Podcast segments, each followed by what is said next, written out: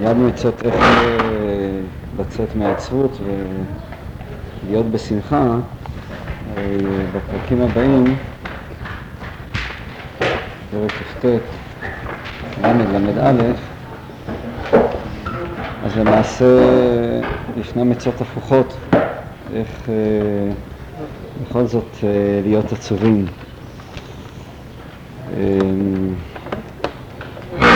הדרך אה, להגיע לאותו מצב של אה, עצרות, כמו שהוא אומר אה,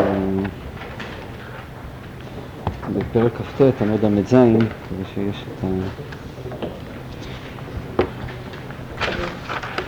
והנה כל מה שיעריך בעניינים אלו במחשבתו וגם בעיונו בספרים, להיות ליבו נשבר בקרבו ונבזה בעיניו נמאס, ככתוב בתכלית המיאוס, ונבזה, ונבזה בעיניו נמאס ככתוב, בתכלית המיאוס, בעמוד ל"ז אני קורא, ולמאס חייו ממש.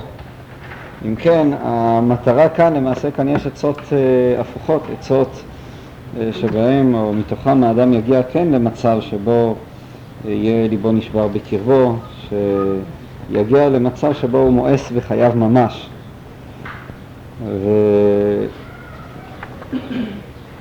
ובאמת אה, השאלה היא באמת אה, שאלה עדינה, זאת אומרת, איך אדם יכול מצד אחד, כמובן למה, אבל הוא צריך להגיע למצב הזה, למה האדמו"ר הזקן כן, ממליץ להביא אותנו למצב הזה שבו אדם אה, ימאס בחייו, זה ביטוי חריף, אדם... זה, זה ביטוי מאוד חריף, אדם שמואס בחייו ממש, זאת אומרת, כפשוטו, מואס בחייו. לא צריך להבין את זה כמטאפורה. אה, את זה נראה בהמשך, כלומר למה האדמו"ר הזקן באמת רוצה להביא למצב שבו האדם יגיע למצב כזה.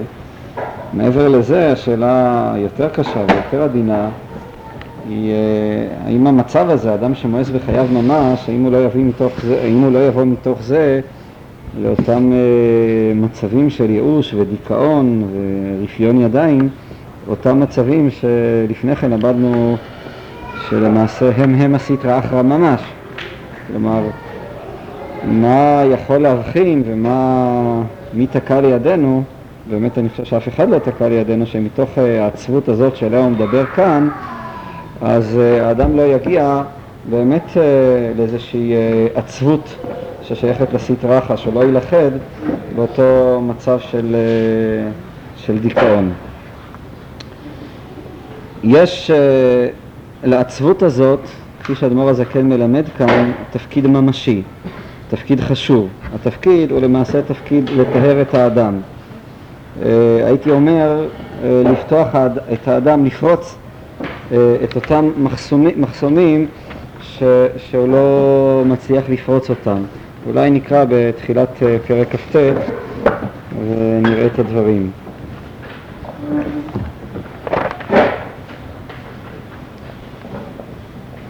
אני, אני רק אולי אה, אסכם.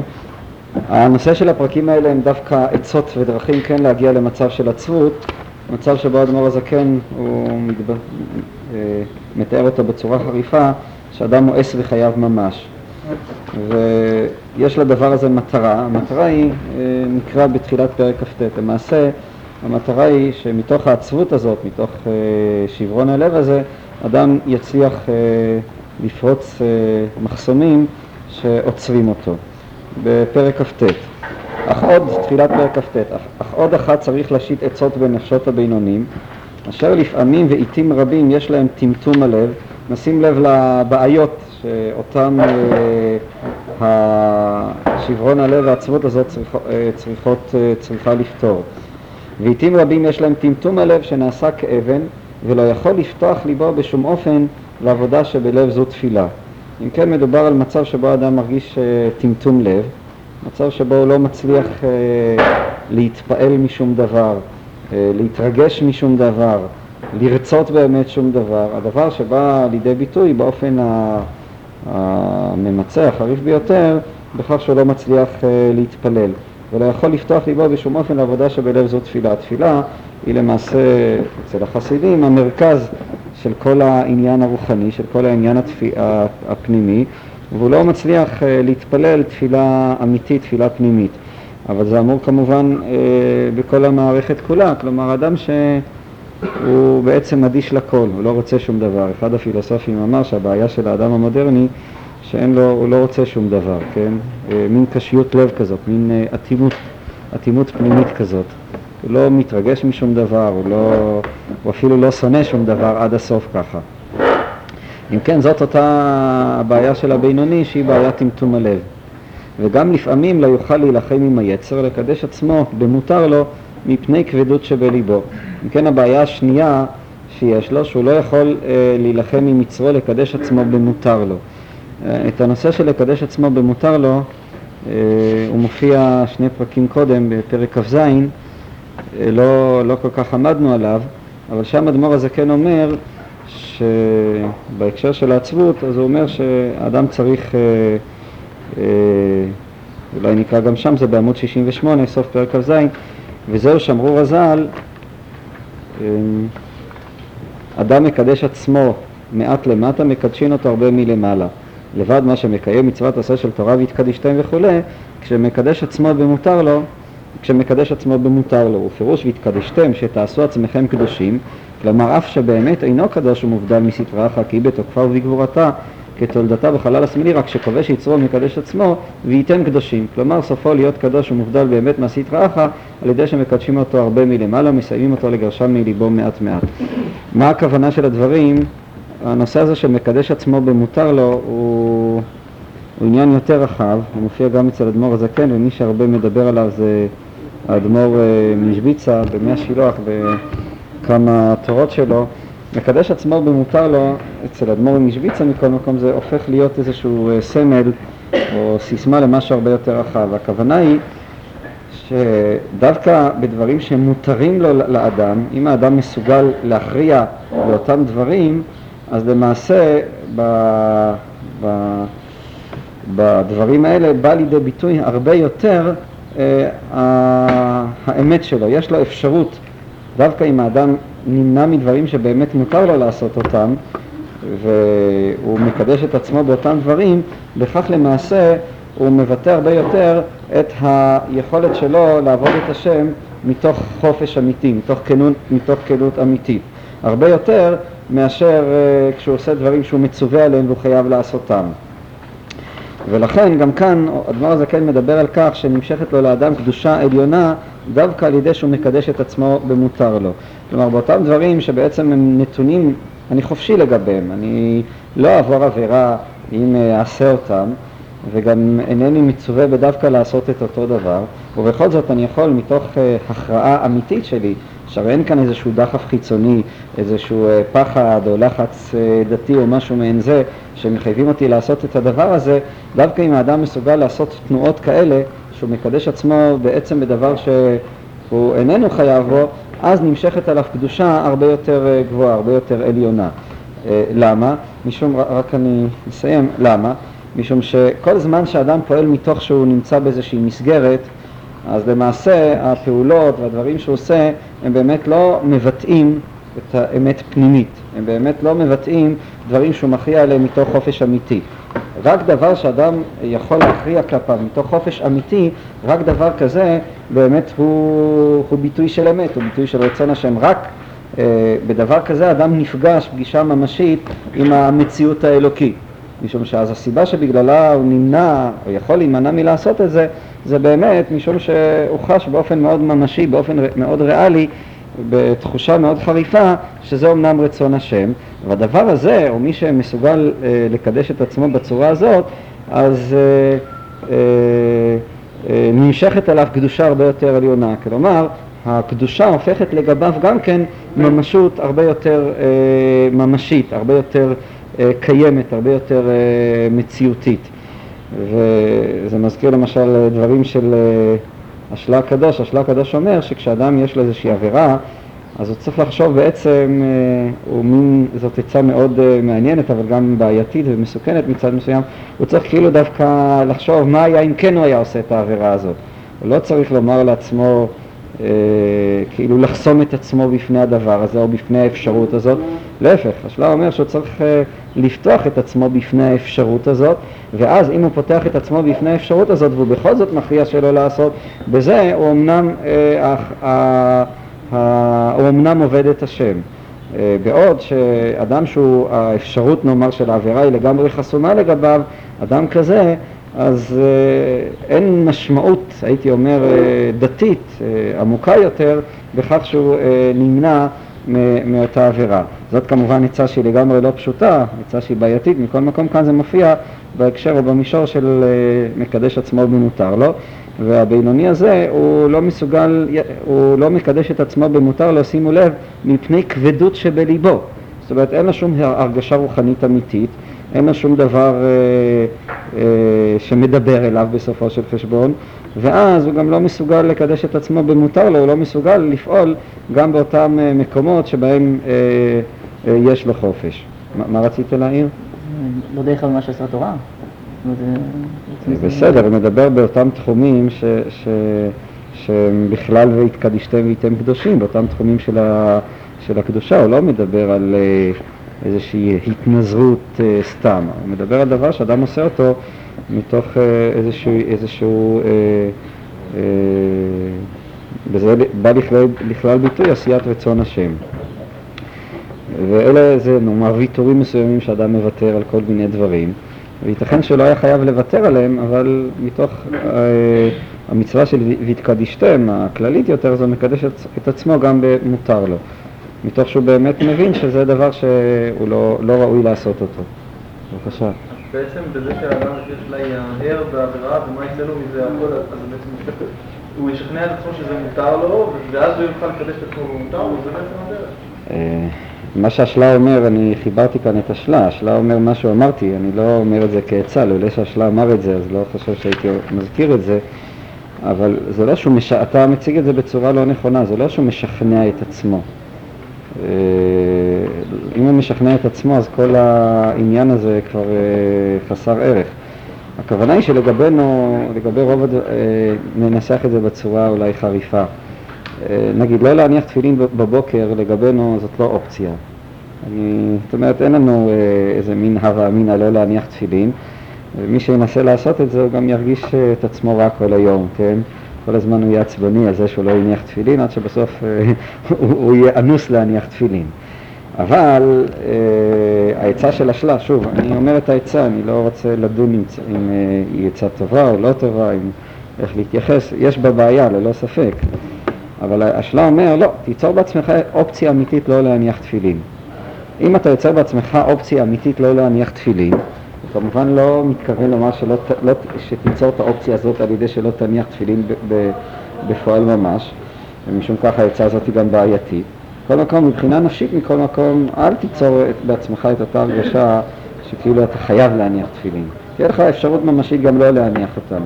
אם מתוך האפשרות הממשית הזאת אתה באמת תניח תפילין, אז הנחת התפילין כבר תהיה מעשה שונה לחלוטין, זאת לא תהיה אותה הנחת תפילין מכנית, אוטומטית, כל בוקר שאנחנו עושים אותה, אלא היא תהיה כבר הכרעה פנימית, אתה תבוא ותאמר, תשמע, הייתי בזמן הזה של הנחת תפילין, יכול לעשות כל מיני דברים אחרים, דברים אולי אה, מעניינים לא פחות, וכן הלאה, ובכל זאת הכרעתי בכיוון הזה. אז ברור שברגע שאני מכריע בכיוון הזה, אני נותן לעצמי דין וחשבון למה בעצם אני מכריע לכיוון הזה, ומה בעצם אני עושה בכך שאני מניח תפילין. ואז באיזשהו מקום, הקיום של המצווה במובן של עשיית רצון השם, אז זה כפשוטו, אמנם אני עכשיו עושה את רצון השם, במובן המלא והריאלי ביותר של המשפט הזה. דבר שכל זמן שאין לך את החופש הזה ואין לך את האפשרות הזאת כאפשרות, אנחנו כל הזמן נמצאים בתוך איזה שהם אה, מסגרות, בתוך איזה שהם אה, דברים שלמעשה אה, הם חסומים לגבינו. ומשום כך החלק הגון ממה שאנחנו עושים הוא חסר באמת משמעות, משום שהוא אף פעם לא עמד בפני הכרעה אמיתית. כדי שהמצוות שאנחנו עושים, או החיים הדתיים שלנו בכלל, יהיו חיים דתיים בעלי משמעות דתית אמיתית, אומר השלה, אתה צריך להעמיד בעצמך את האפשרות גם לא להיות כזאת כאפשרות ממשית. לא כאיזה תרגיל אה, לשכנוע עצמי. אם זה תרגיל לשכנוע עצמי זה מה שאנחנו עושים כל הזמן, אבל כל מה שאנחנו עושים כל הזמן אנחנו משכנעים את עצמנו. זה, זה, זה, זה, זה, זה הפעולה, הפעולה שאנחנו בדרך כלל עושים, להפך. השלה אומר, אל תשכנע את עצמך, תנסה לדון בעניין הזה, אה, לתת לעצמך דין וחשבון ממשי על מה שאתה עושה. אם תיתן לעצמך דין וחשבון ממשי, יש לך, יש לך את הסיכוי גם אה, לתת תשובה ממשית. אחרת אתה חי בתוך איזה שהן נוסחאות שאתה מדביק לעצמך. לזה הוא מתכוון. עכשיו, אמרתי, אני לא בא לתת ציונים, להתייחס, ברור שאני מניח שרוב רוב, אה, נאמר, המשגיחים, הרבנים, המחנכים התנגדו לעצה הזאת. אבל אני הזכרתי את זה בהקשר של המקדש עצמו ומותר לו. אם כן, מהי עצה של אותו אדם שמרגיש בעצמו טמטום הלב, איזו הרגשה של חוסר, אה, הוא, הוא לא מרגיש שום דבר בשום דבר, הוא בעצם לא רוצה שום דבר, וזאתי העצה, עצה יוצא בזוהר הקדוש, ואמר רבי מטיבתא בגן עדן, אה, דלא סליק בי נאורה מבטשין וכולי. עץ שלא עולה בו אה, האש, האור, אז אה, מבטשין לי, אה, מבקעים אותו. גופה דלא סליק בי נאורה דנשמטה, גוף שלא עולה בו האור של הנשמה, מבטשין לי וכולי. פירוש נאורה דנשמטה, אור הנשמה, שאור הנשמה והשכל אינו מאיר כל כך למשול על חומריות שבגוף. ואף שמבין ומתבונן בשכלו בגדולת השם, אינו נתפס ונדבק במוחו כל כך שיוכל למשול על חומריות הלב מחמת חומריותן וגסותן. אם כן, זאתי בעצם הבעיה של הבינוני, הבעיה הכרונית של הבינוני שכל פעם אה, אנחנו חוזרים עליה. הבעיה היא שגם אם הוא מבין בשכל שלו ויש לו עשר הוכחות למה הוא צריך לעשות את זה, אבל זה לא משכנע אותו, זה לא נתפס ונדבק במוחו. הוא יכול להגיד את זה, הוא יכול אה, לתת לך שיעור טוב במחשבה עם שלוש וארבע הוכחות אה, פילוסופיות ו... וכולי, אבל בסופו של חשבון זה לא, הוא בעצמו זה לא מדבר אליו, ו... ולא רק זה לא מדבר אל הלב, אלא אפילו זה לא מדבר אל המוח, כלומר אין לו שכנוע פנימי במה שהוא עושה.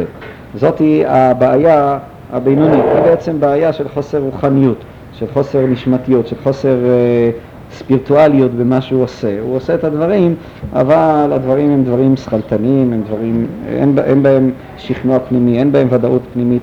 הוא באיזשהו מקום מרגיש ריקנות אה, ביחס למה שהוא עושה.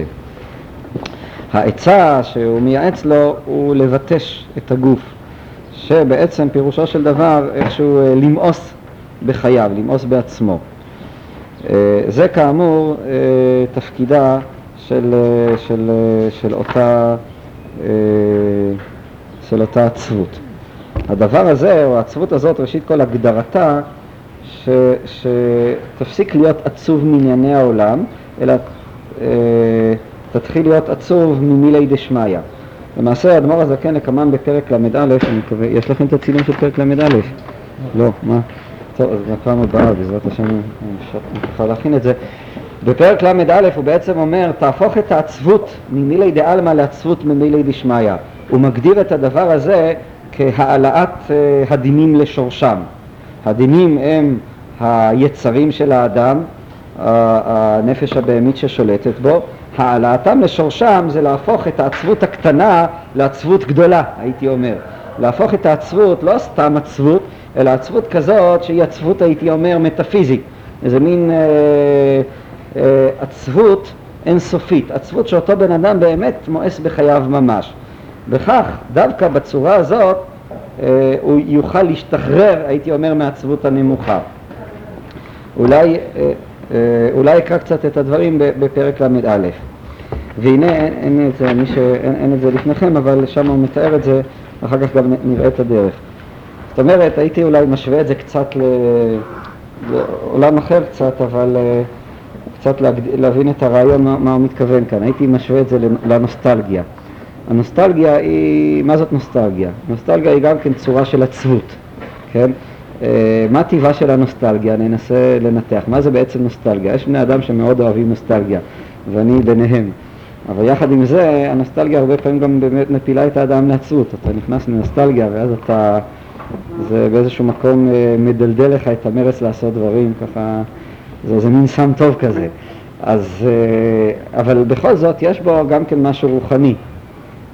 יש בו גם משהו שמקשר אותך לאיזה ממד גבוה יותר. וזאתי הסיבה, או זה כוח המשיכה של הנוסטלגיה. זה כמו, זה, העצבות שעליה מדבר אדמו"ר הזקן היא יותר מהנוסטלגיה, אני באמת קשה לי קצת להגדיר אותה, אבל אה, ממש אדם שהוא ממאס בחייו זה ביטוי הרבה יותר חריף, אבל ננסה אולי להבין את זה דרך הנוסטלגיה. איך הייתם מגדירים? מה זה נוסטלגיה? יש כאן מישהו שאוהב נוסטלגיה, אני לא יודע.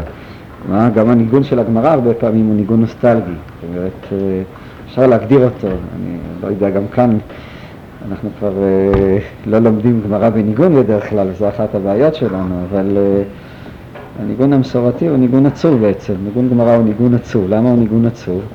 הרבה פעמים, לא תמיד. מה? תלוי גם באיזה סדר, אבל מי מוכן להגדיר מה זה נוסטלגיה? אני מניח, מה? התרסקות אל העבר. אתה מגדיר את זה כהתרתקות על העבר, אני מסכים איתך. אה, אני חושב שאפשר אולי לקדם הלאה. כל התרתקות על העבר אתה היית מגדיר אותה כנוסטלגיה. מה נותן לנוסטלגיה את, ה... את הנוסטלגיות שלה? געגועים אתה אומר, נכון. מה?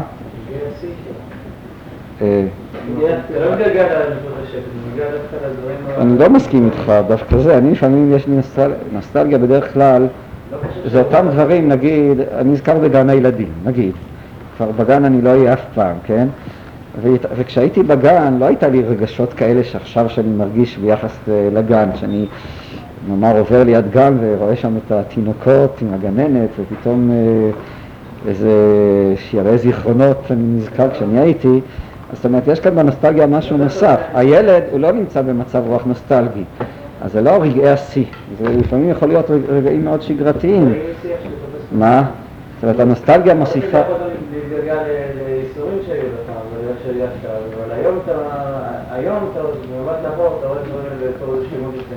אז אם ככה, אתה צודק, אז אם ככה אנחנו צריכים אה, לצעוד הלאה ולשאול מה בעצם גורם, אתה אומר הנוסטלגיה היא גורמת שגם אותם רגעים פתאום אה, אה, ייצבעו בצבעים אחרים, מה גורם להם להיצבע בצבעים אחרים, כלומר זה יכול להיות גם רגעים שגרתיים, אבל אה, נוסף כאן איזשהו ממד שפתאום נותן להם איזשהו מתח אחר, אור אחר, שיוצר את אותם געגועים, מה, מה, מה זה הממד הזה? יש איזה ריחוף מהמקור, כל דבר שאתה יותר חייב, יותר מתעסקים מהמקור, ואנחנו, לכן יש לנו איזה מין רצון לחזור למקור, זה מין רצון ש... המעשים שהם יותר קרובים למקור, הם נראים בעינינו מעשים יותר, יותר אה, שלמים. כן, אבל כאן אתה כבר אה, מעלה את הנוסטלגיה לשורשה, אנחנו עדיין אה, עוד לא בשורש, כלומר אתה כבר נותן לזה איזו פרשנות מטאפיזית במובן שזה העלאה למקור וכולי, אבל אני רוצה לנתח את הפנומן עצמו, זאת אומרת, באמת לא, אולי קצת לא צורת מחשבה שאתם רגילים לחשוב על זה, עליה, אבל אה, זה מאוד מעניין ככה שחושבים על דברים כאלה, יכול לתת לאדם הבנות מאוד אה, עמוקות. אה, אני לא מתנגד למה שאמרתם עד עכשיו, אני מרגיש אבל שחסר עוד משהו. מה, מה, מה, זאת אומרת, מה שאמרת זה גם, אני, זה השלב הבא, אבל נותן לזה כבר איזושהי פרשנות, אבל אני רוצה לנתח את הדבר מצד עצמו. בבקשה. שאולי אני אקח דוגמה שכולם מכירים, עושים, הוא עשה מסע בצבא, אני יודע מה, עשה מסע כוזב, ובשבילו כל רגע הוא התייסר וכאב, הוא מסתכל על זה היום, הוא רואה, הוא בשבילו זה חוויה, הוא קורא לזה חוויה. אני חושב שחלק מהזמן, שחלק מהעניין פה, שהוא לא, החוויה פה זה לא שהוא בעצם, היא בעצם היא כבר מעל הזמן, שהוא לא בעצם עובר אותה כל רגע ורגע, הוא לא זוכר את, ה, את הכאבים ואת הצעידות, אלא בעצם את התחושות, את מה שהוא הרגיש, את העוצמה שהייתה שם. וזה כאילו דברים שלא, שהם לא בזמן, שהם לא היו, לא הממשות של הצעידה במסע או כל צעד וצעד, אלא בעצם את מה שהיה שם באמת, זה מה שהוא זוכר, וזה, וזה באמת נצבע לו בצבעים ורודים הרבה פעמים, זה היה שם משהו רציני, אומר, היה שם משהו חזק. אה, אני אגיד לך, אתה קצת מקלקל לי, משום שאני דווקא מחפש את הנוסטלגיה על רגעי השגרה. אתה מדבר נוסטלגיה על איזה שהן חוויות שיא, שגם אותן אפשר לנתח, אבל אה, אני נזכר באיזה מכתב שפעם ראיתי מאיזה בן אדם שהוא ברח לחוץ לארץ, אחרי, בעצם אני לא יודע בדיוק למה הוא ברח. הוא עבד עם נבואה, זה מכתב שהוא כתב לחבר שלו, במקרה התגלגל לידיי, שעבד יחד איתו, אז הוא כותב שם, עבדנו 20 שנה, ככה הוא מתאר דברים, הם עבדו שם, אני לא זוכר בדיוק איזה בית חרושת היה להם, זהו, נגמר, אה, ברחתי, ככה מין אה, אמירות כאלה, שאתה רואה שהן כולן רצופות אה, געגועים. זאת אומרת, אני חושב שהנוסטלגיה אפשר לנתח אותה במשפט אה, הדבר היה ושוב לא יהיה, ננסח את זה אולי ככה. זאת אומרת, יש ממד אחד בנוסטלגיה, א', שזה היה, אבל ב', שזה שוב לא יהיה בצורה המוחצת. אני כבר אף פעם לא אהיה ילד, כן? זאת אומרת, זה, אני, את, הדבר הזה, זה מין, אה, בנוסטלגיה נחשפת אה, הזמניות של האדם. העובדה שהזמן הוא חד-כיווני, והעובדה שהזמן יש בו ממד מוחלט. זאת אומרת, הזמן, כן, זה קשור לרעיונות אחרים, לרעיונות דווקא של ראש השנה, של יום הדין. הזמן הוא משהו שנהרה דגינאי, כמו שכתוב בספרים. זאת אומרת, הוא, הוא חד-כיווני והוא מוחלט, כולם נתונים תחת ממשלת אה, הזמן. והממד המוחלט הזה הוא גם הממד שצובע לנו את הזמן בממדים נוסטלגיים. כלומר, מה אני מתכוון לומר?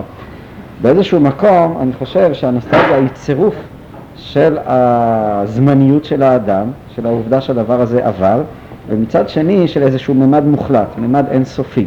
זאת אומרת, אתה רואה את הסופיות על הרקע המוחץ. יש בזמן משהו שמוחץ. החיים שלנו עוברים, הם עוברים, הם עברו. הזמן שלנו נגמר, הזמן ההוא כבר לא יהיה.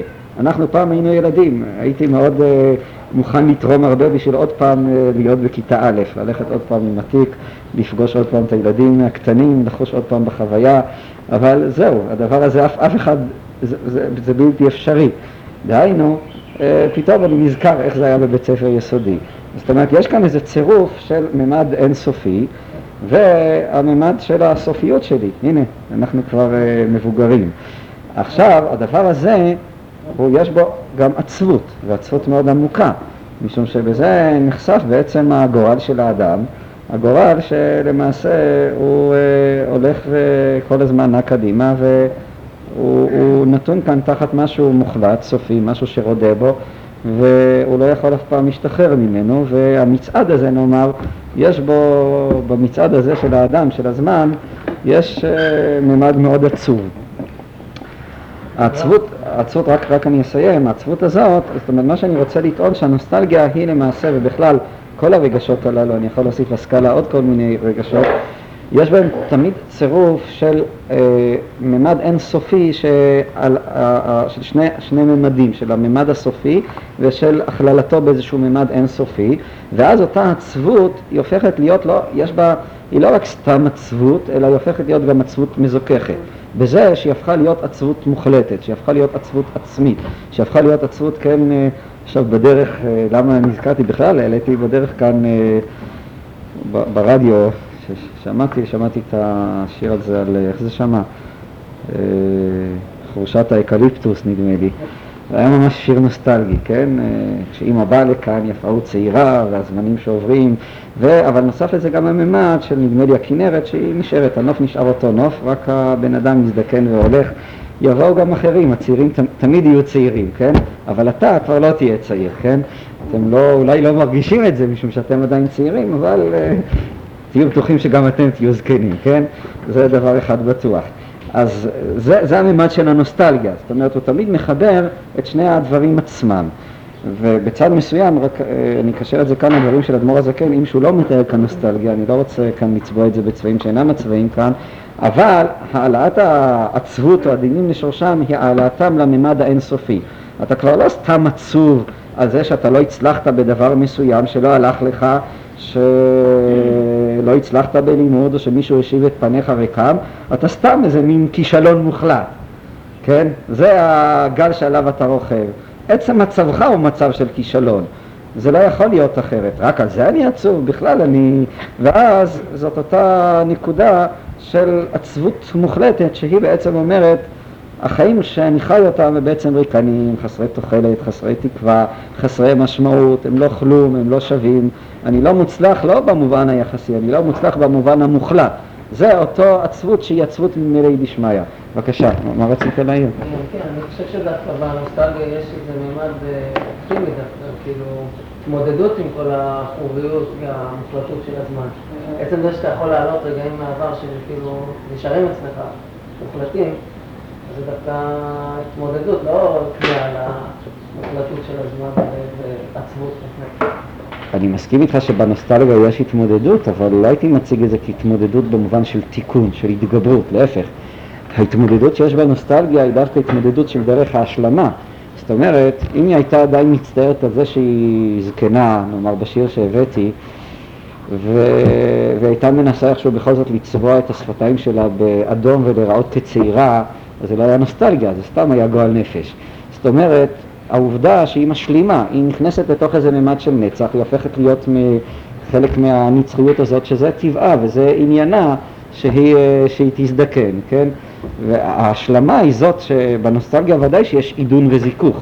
זה אולי מה שהתכוונת, אם אני מבין אותך נכון, שיש כאן התמודדות, אבל ההתמודדות הזאת היא לא התמודדות בנאלית במובן שאני מנסה איכשהו להחזיר את הזמן, להפך, ההתמודדות היא דווקא נובעת מתוך ההשלמה עם העובדה שהזמן הזה הוא לא יחזור.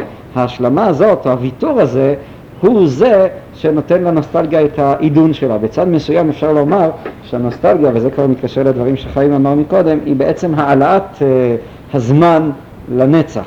היא בצד מסוים הנוסטלגיה אומרת שאותם רגעים הם נשארים בנצח. יכול לתת לזה איזה פרשנות שאתה לא רוצה, זה לא משנה כרגע, אבל בעצם הרגעים הללו הם נשארים נצחיים. הרגעים שחיינו אותם, כך או אחרת, הם נכנסים לממד של הנצח, ובזה עצמו הם מקבלים את, ה, את הזוהר שלהם, את, ה, את העליוניות שלהם, את, ה, את, ה, את הטוהר שלהם, ננסח את זה ככה. זה האופן שבו באמת הנוסטלגיה מתמודדת עם העבר, אני מסכים איתך. היא ודאי, זו צורה של התמודדות ועידון של העבר, אבל זה נעשה דווקא בצד מסוים, לא דרך ההתמודדות, אלא דווקא דרך הוויתור וההשלמה. זה שאדם אומר חלק ממני נשאר שם. כמו איזה פועל בניין שעובר בארץ, אומר את, הבינה, את הבית הזה אני בניתי. כן, זה גם כן מזכיר לי חוויה. איזה יהודי שאמר לי, הוא סלל, כן, איזה יהודי שהיה, אני יודע, היה סוחר עצים בעצם. אנחנו בנינו את זה. הוא מכר עצים שם לבניין הזה, אבל טוב, זה גם כן צורה, אבל מה אתה רוצה... אה, אני חושב שיש איזה מוות מסוים בהתקדמות הזמן, זאת אומרת, וזה שאדם אומר, אני נתתי חלק ממני, כמו אדם שיגדמו לו יד, אז הוא עולה לפעמים לפקוד את הקבר, איפה שהיד, כי הוא מרגיש שזה חלק ממנו נמצא שם. אז, אז באותה מידה גם את, את הזמן שלו, את ההשקעה שלו, את המוח שלו, שהוא תכנן איזה בניין, שהוא בנה אותו בידיים, הדברים האלה בעצם זה מעין מצבות זיכרון שהוא בנה לעצמו בחייו, והוא נראה לפקוד אותם, לא בפועל, לפרוט את אה, אני לא, לא אגיד שאני מצליח אה, עד הסוף לרדת לתחושה שאתה רוצה לבטא.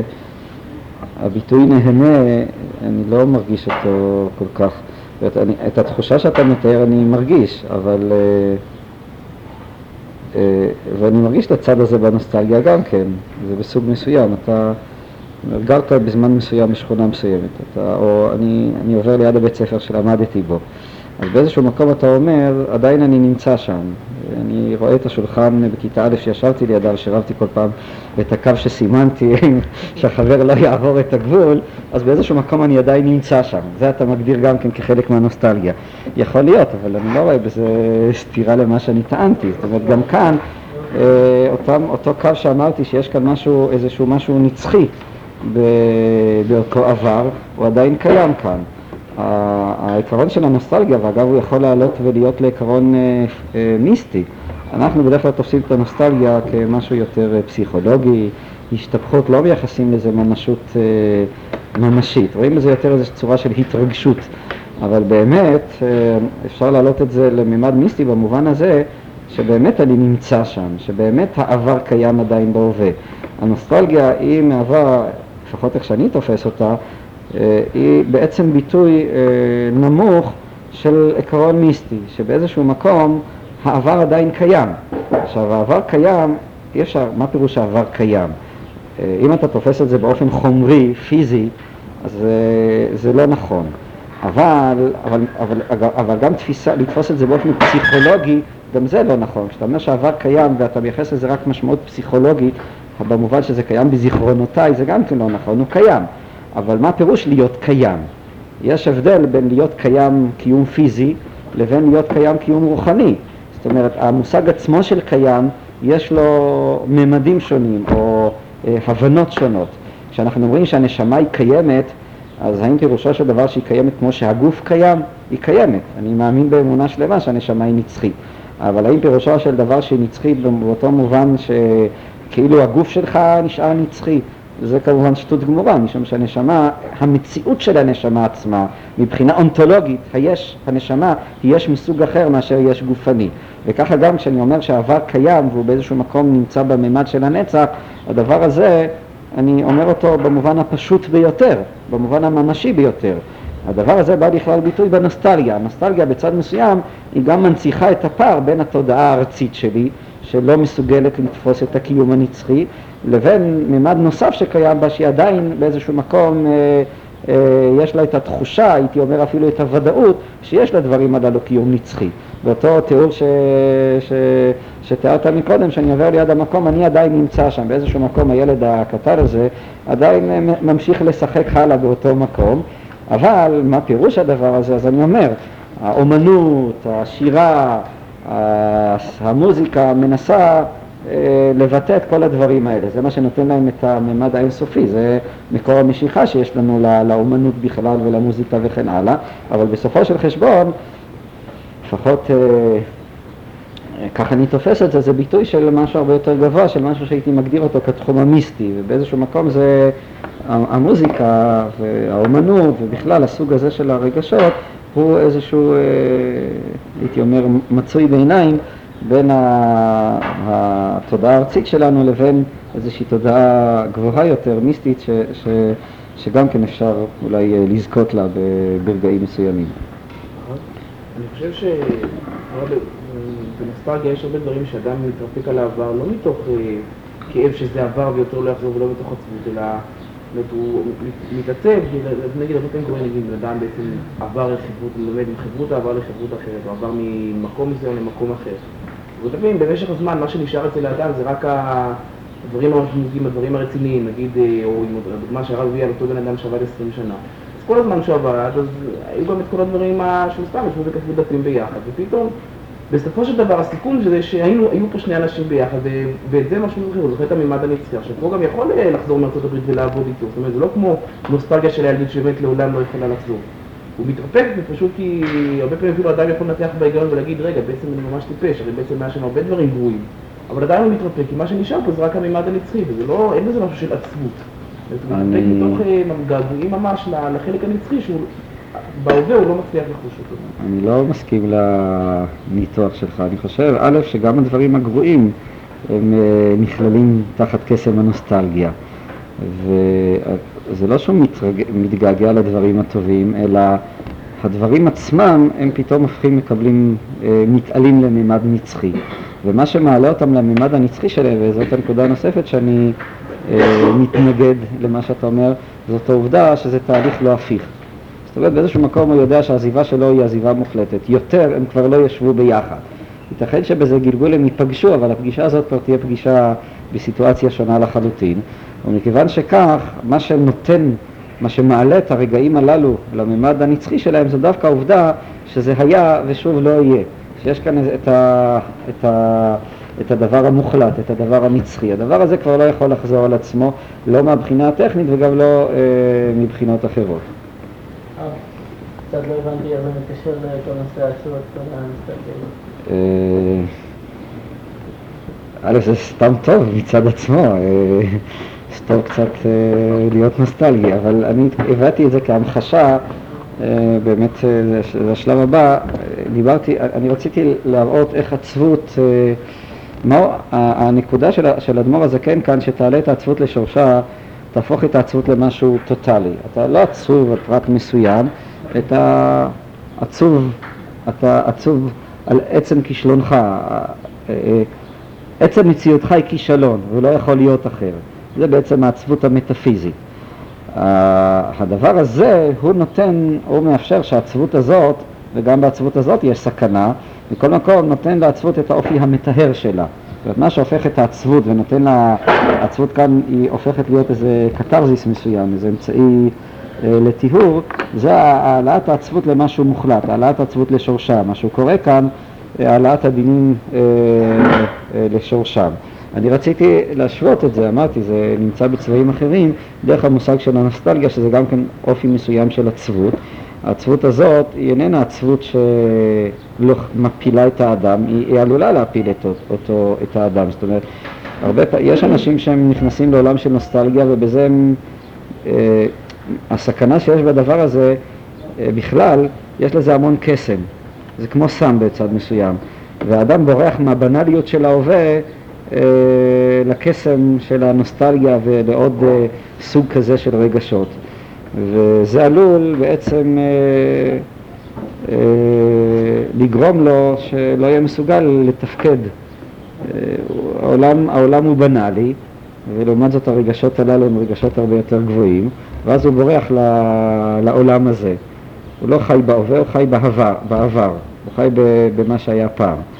אבל מצד שני יש בדבר הזה גם כן אה, איזושהי התקשרות לאינסוף, איזושהי התקשרות למשהו אה, רוחני, למשהו נשמתי, למשהו אלוקי. ויותר מזה, יש בצד הזה איזה אופי מאוד אה, מטהר. במובן הזה שפתאום אני רואה אותם כן, נגיד, אקח לזה עוד דוגמה. אנשים שאני פוגש איתם, אה, נגיד ילדים מהבית ספר היסודי, אני פוגש איתם. היום, אם הייתי פוגש אותם סתם היום, לא הייתי אפילו מסתכל עליהם, משום שאין בינינו שום קשר, אין שום זיקה, שום יחס אליהם. אבל העובדה שאנחנו בילינו אי פעם אה, כמה שנים ביחד, או אני פוגש אפילו מישהו מהצבא, הייתי פוגש אותו ברחוב, סתם בן אדם הייתי אולי מזלזל בו גם כן. אבל זה שעברנו משהו ביחד, זה נותן לי איזו תחושה שונה לחלוטין כלפיו. זה גם כן נובע מאותו דבר עצמו, מאותו טיהור שיש בממד הזה של העברנו, של אה, היה. והדבר הזה הוא אה, יכול, לפי דעתי, להמחיש היטב איך העצבות מטהרת את האדם, איך העצבות אה, מעלה אותו, איך היא יוצרת בו ריגושים גבוהים הרבה יותר.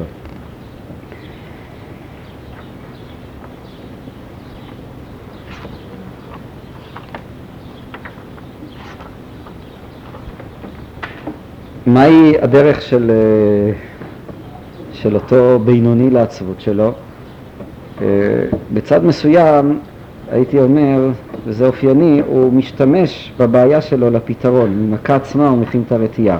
הבעיה שלו, נשים לב, הוא לא עצוב על חטאים במובן הפשוט, הוא לא עושה לעצמו איזשהו חשבון חטאים, אה, אני חטאתי בזה וחטאתי בזה וכן הלאה.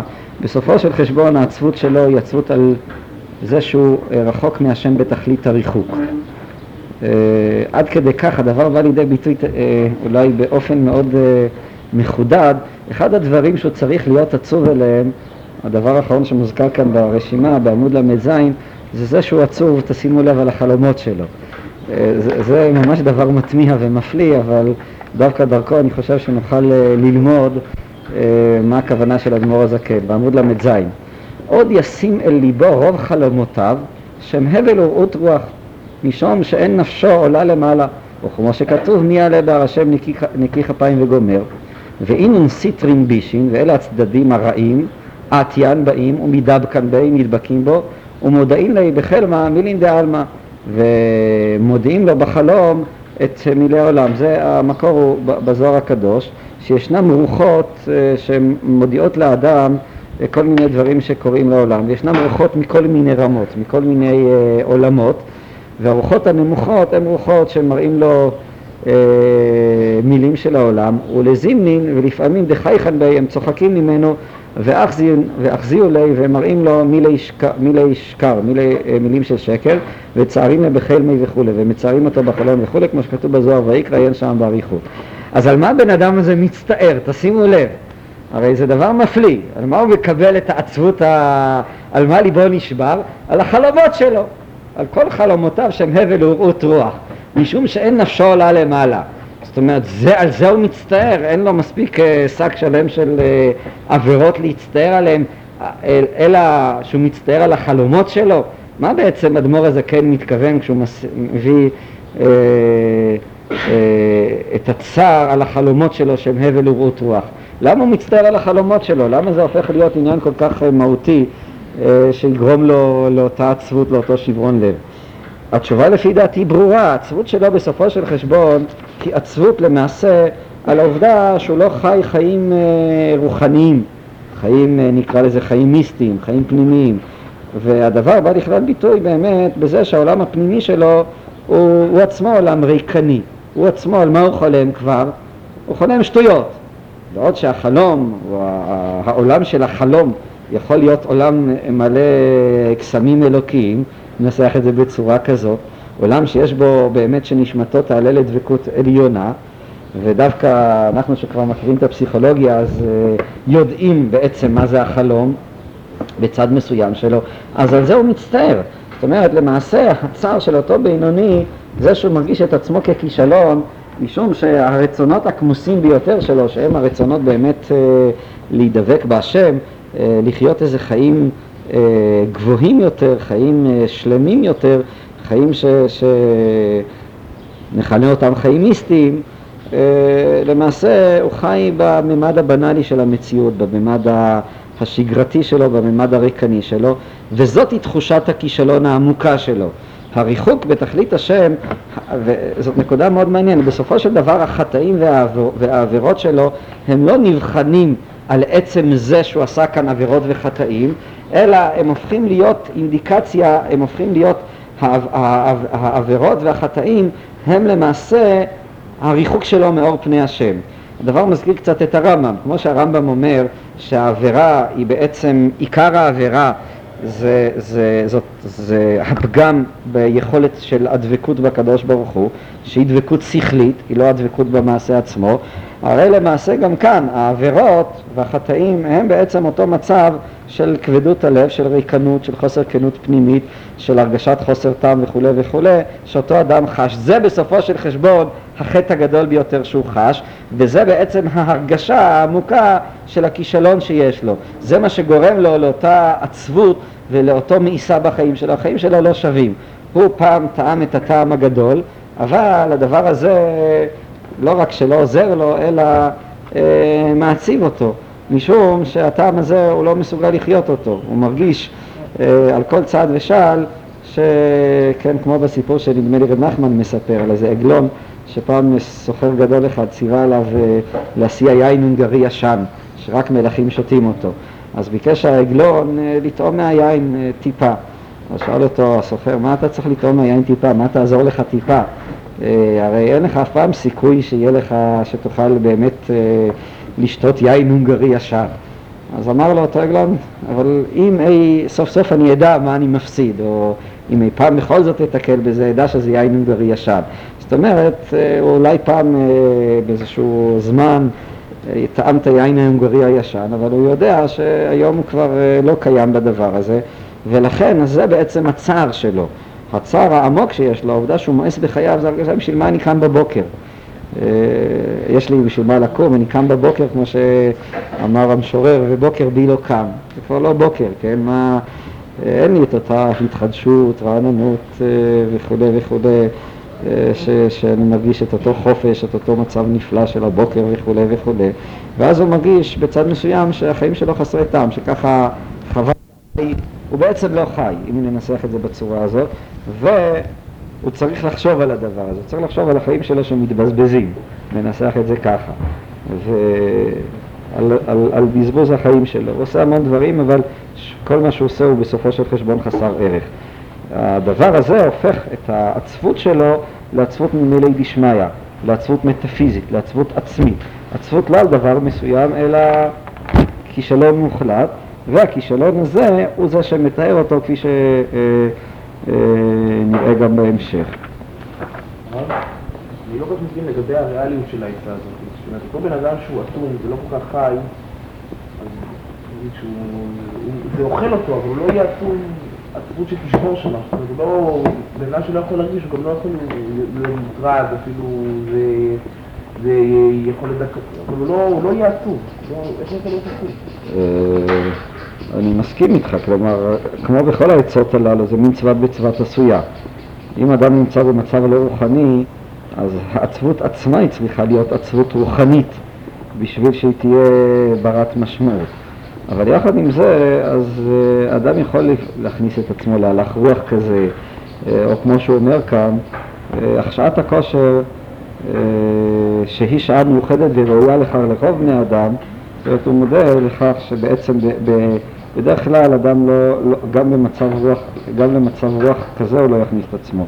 שעת הכושר בפרק ל"א, עמוד 78, שהיא שעה מיוחדת וראויה לכך לרוב בני אדם, בשעה שהוא עצב בלאו הכי ממילא דעלמא, או כך בלי שום סיבה.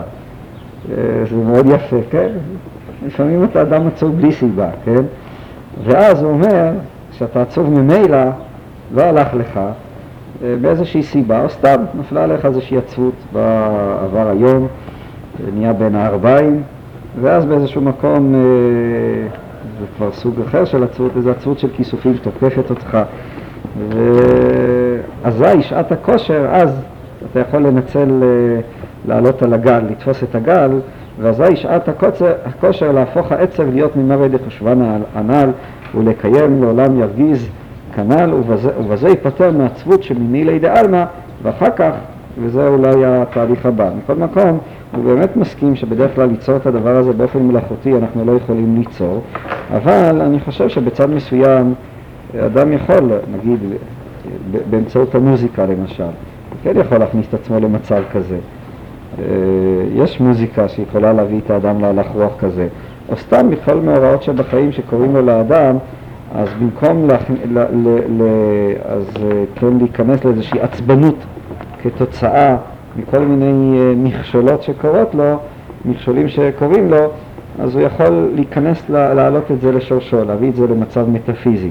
וכשהוא מביא את זה למצב מטאפיזי, זה אותו מצב של, של, אה, שהוא מגדיר אותו כאן כמאיסה בחייו, הוא לא, אין לו טעם, אין לו, אין לו בשביל מה לחיות. ואז, השלב הבא, זה אותו מצב שתכף אני אקרא אותו, שמתאר אותו בהמשך. לכאורה כל המצב הזה דווקא מוביל לעצמות המובן השלילי שלה ולא ללב נשבר. זאת אומרת, זה ייאוש טוטאלי שבאמת קשה לראות איך אדם יוכל אה, דווקא להפיק ממנו דבר טוב.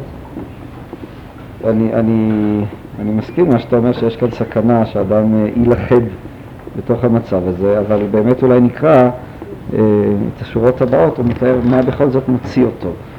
זה שוב, עמוד מ', פרק ל"א, את הצילום, תרצו לשמוע בעל פה.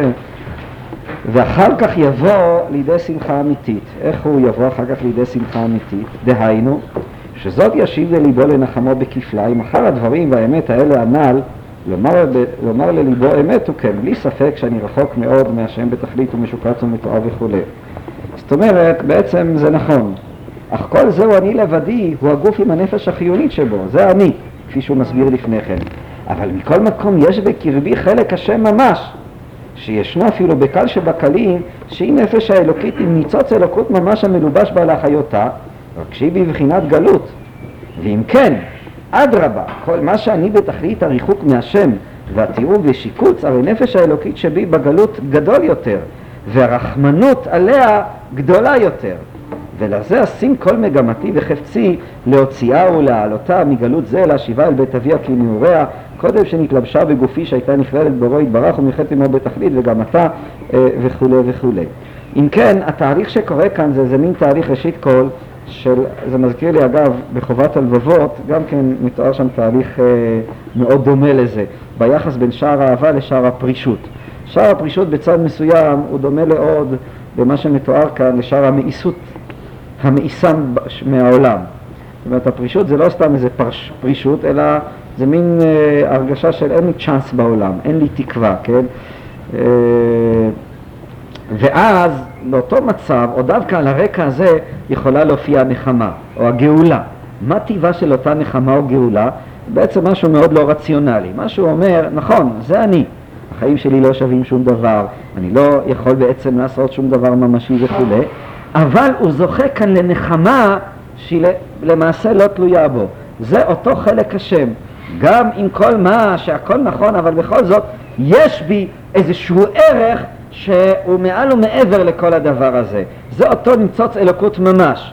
ויותר מזה, כשניצוץ האלוקות הזה מופיע על הרקע של חוסר התוחלת שלי, אז הדבר הזה יוצר את אותם רחמים שהם יכולים כבר להיות ולהפוך להיות מניע אה, חיובי, מניע פוזיטיבי לפעולה. משל למה הדבר דומה? פתאום אני אביא את זה למשל, פתאום אני רואה את... אה, בן אדם מסוים, את הוריי נגיד, זקנים, כפופים כבר, אה, נזכר בימים מקדם כשהם היו צעירים וכן הלאה.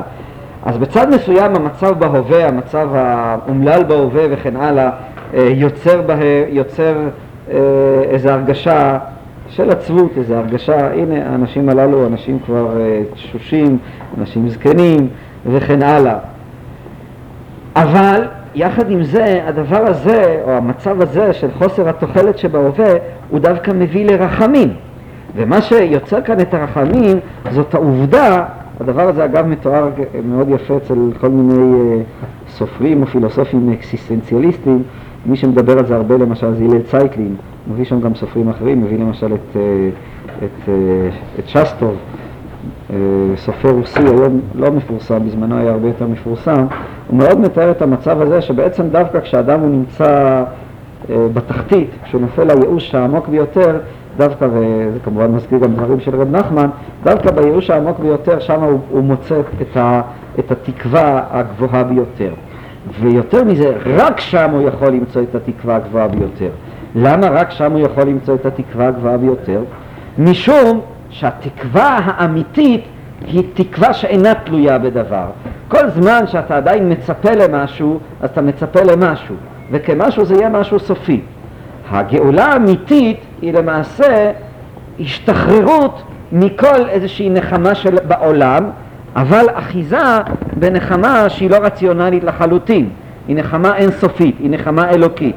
הניצוץ הזה שיש בעצמי הוא למעשה בלתי מותנה לחלוטין בכל מה שאני אעשה.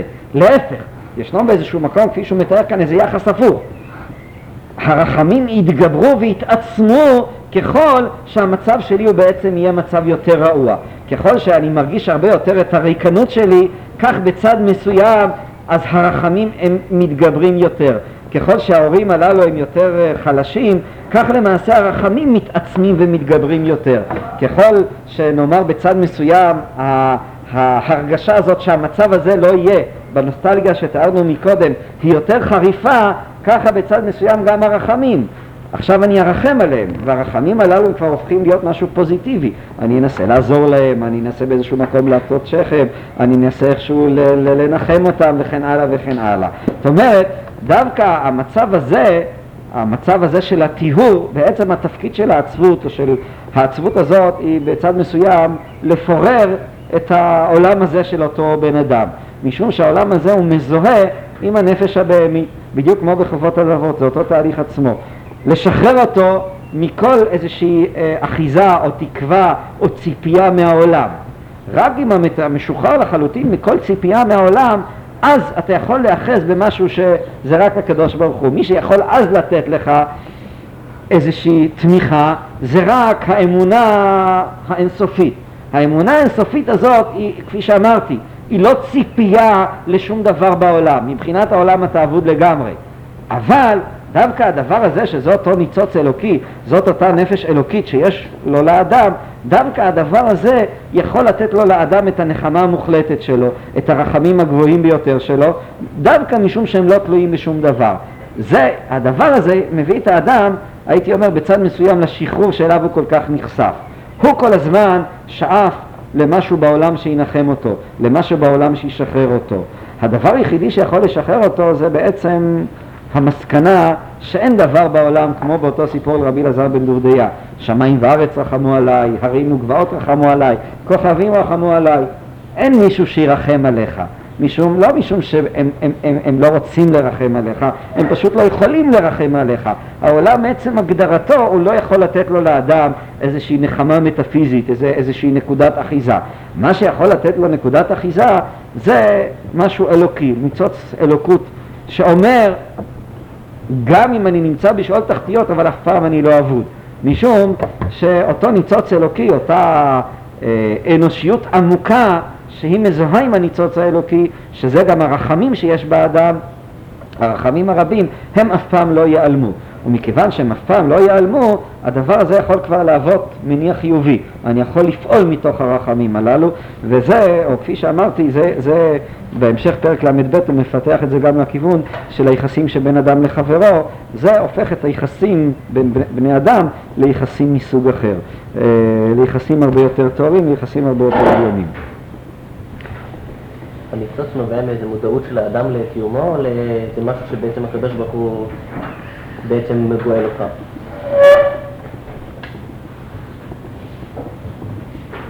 זאת שאלה טובה, ואני לא מרגיש שאני יכול לענות עליה, משום ששני הדברים, הדברים הם נכונים, ואני באמת לא יודע לפרש את היחס שביניהם. כלומר, זה יכול אה, אה, לנבוע מתוך הכרה שהייתי אומר, יש דבר שאף פעם אתה לא תפסיד אותו. זאת אומרת, יש באדם משהו אנושי עמוק, שהוא אף פעם, אה, הוא לא יפסיד אותו. כן? והדבר הזה הוא קיים אצל כל אדם, וזה נובע מעצם הגדרתו כאדם. זה אותו ניצוץ אלוקי ש, ש, שהוא מדבר עליו כאן. לפעמים זה בא אה, לכלל ביטוי באופן אחר, לא מתוך ההכרה שיש של אותו ניצוץ אלוקי, אלא מתוך הכרה, כלומר כשרבנו בכי מתאר את זה בחובת הלבבות, זה מתוך הרגשה של החסד האלוקי שנופל עליו. החסד האלוקי הזה הוא לא יכול ליפול אלא אם כן הוא עבר לפני כן את התהליך הקודם, את התהליך של ההתייאשות מהעולם, כפי שרבנו בכי מכנה אותו כפרישות מהעולם. זה, זה, זה מצב של גאולה. עכשיו המצב הזה של גאולה הוא יכול גם להתפרש בצורה אחרת כמצב של אפשרות. יש כאן נפתחת אפשרות אמיתית. האפשרות האמיתית הזאת היא לא תלויה בשום דבר, היא חופש מוחלט, היא חופש שלם. וזה מה שנותן לה את הממד המוחלט, את הממד של הגאולה שלה. משום שזה דבר, כל הזמן שאני פחדתי שיקחו את זה ממני, אז uh, עדיין הייתי בלחץ, עדיין uh, לא, לא הגעתי לאותו מצב של נחמה, לאותו מצב של גאולה, לא, לאותו מצב של אהבה. מה שנותן לו לאדם זאת העובדה שיש כאן אפשרות שהיא לא תלויה בשום דבר. הדבר הזה, או האפשרות הזאת, הגילוי הזה, התגלית הזאת, שיש כאן את האפשרות הזאת, אה, היא חסד אלוקי, או היא יכולה להתפרש מכל מקום כחסד אלוקי. עכשיו באמת אני לא מבין מה, אני חושב ששני הדברים הם מאותו שורש עצמו, אבל למעשה, כמו, כמו שאמרתי, כאן אצל אדמו"ר הזקן זה מתואר כניצוץ אלוקי שקיים באדם, כלומר כאיזה גילוי של אלמנט שלמעשה, אה, של איזה ערך מוחלט, של שווי מוחלט, של משהו שאני שווה בכל תנאי, בכל מצב, שאי אפשר לקחת אותו ממני, שהוא בעצם הצד האנושי העמוק שבי. והניצוץ האלוקי הזה אומר שבצד מסוים כולנו שווים. כולנו שווים באותה מידה, משום שכל הכישרונות שלנו וכל המעשים שלנו וכן הלאה, הם בסופו של חשבון אה, בטלים, או לא, אינם נמצאים בכלל באותו פרופורציה ביחס לערך האמיתי, המהותי, העצמי שלנו, שזה הניצוץ האלוקי, שזה הנקודה העמוקה האנושית שיש בכל אדם באשר הוא אדם, וזה לא משנה חכם, טיפש, שחור, לבן, אה, אה, צדיק רשע. אה, זה, זה מה שהאדמו"ר הזקן כאן מתאר. כמו שאמרתי, זה יכול להופיע גם באיזשהו, אה, איזה מין הרגשה שפתאום בא אליך משהו, איזה תגלית עצומה, איזה הבנה עצומה, הבנה עצומה של יכולת, של אפשרות, שהיא הבנה של, של חסד. בעצם אין שום דבר שמאלץ אותך להיות כל כך נדכה ומסכן וכולי וכולי.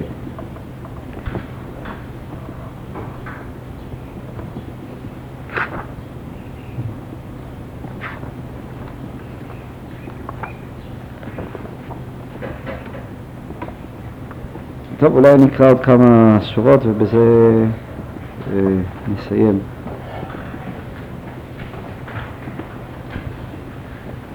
רק השאלה איזה שורות נקרא. אה,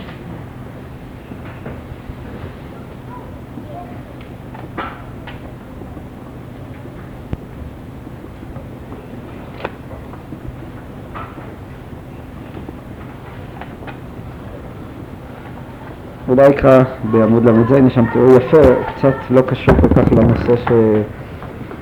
שדיברנו עליו עד עכשיו, אבל uh, יש לו חשיבות uh, לקרוא אותו בפני עצמו. הוא מתאר את אותו מצב של הבינוני, שכפי שאמרנו מקודם, uh, הוא לא, אור הנשמה לא מאיר בו, הוא לא, הוא לא מצליח לחיות חיים ממשיים, חיים שהוא מרגיש שהם בעלי ערך. אה, כן, זה אגב, אה, בעצם בצד מסוים זה אולי הכיסופים הכי גדולים של האדם, אני חושב, למשל, אה, זה, כן, זה שבני אדם, נאמר, מתמכרים לסמים, זה בדיוק אותו תופעה עצמה. סמים, יש בהם איזו חוויה, חוויה גבוהה כזאת, איזה מין, כן, חוויה מאוד גבוהה. סמים, מפגישים את האדם בצד מסוים, תלוי גם איזה סוגים של סמים, החל מאיזה שמחה וערנות, שכן, שמוצאים את האדם לפחות מ... מהבנאליות היומיומית, עד סמים שממש הם נותנים לו לאדם חוויות מיסטיות.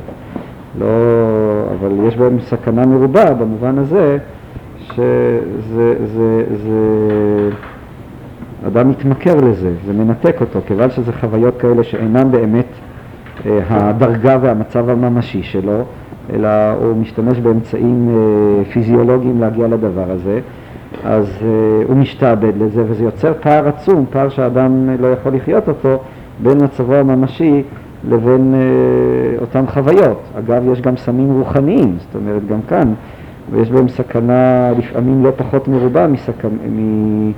מסמים אה, פיזיים.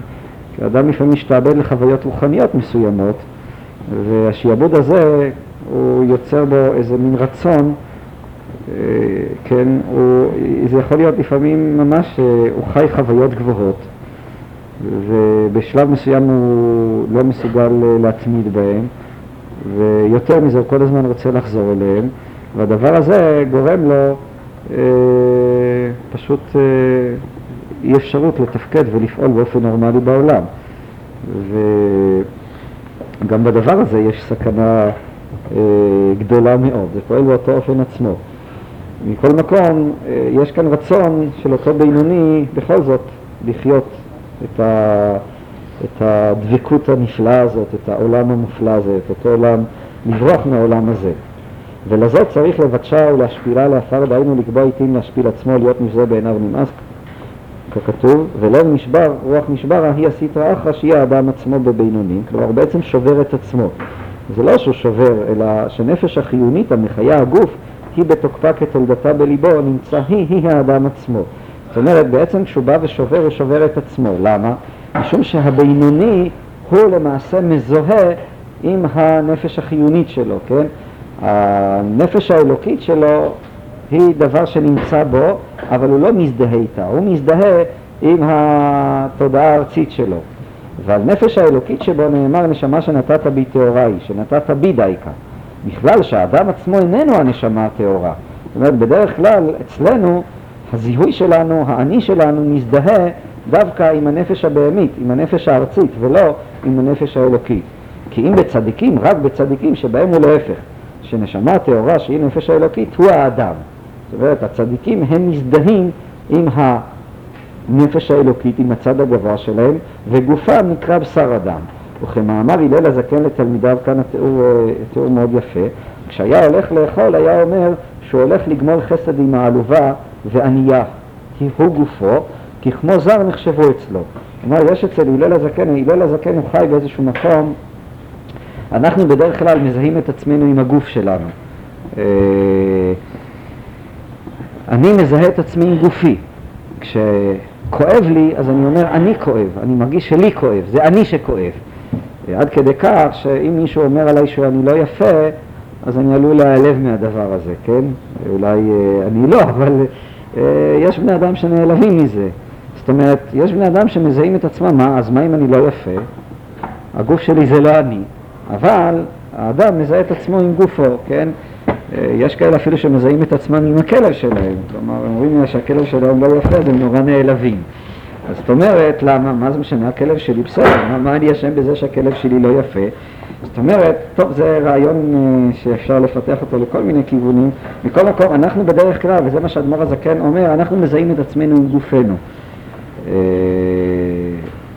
בעוד שהצדיק הגמור תופס את הגוף שלו כמכשיר. יש כאן איזה מצב מאוד מעניין שבו האדם תופס את גופו לא כעצמו. זאת אומרת, אני מסתכל על היד, אני אומר ליד יד יתרוממי. זה מין תודעה, התודעה של הצדיק היא הפוכה מהתודעה שלנו. כמו שאני יכול להבין, נגיד שעם הכלב שלי אני לא מזהה את עצמי, זה הכלב, אבל הוא מחוצה לי, ככה הצדיק לא מזהה את עצמו עם גופו.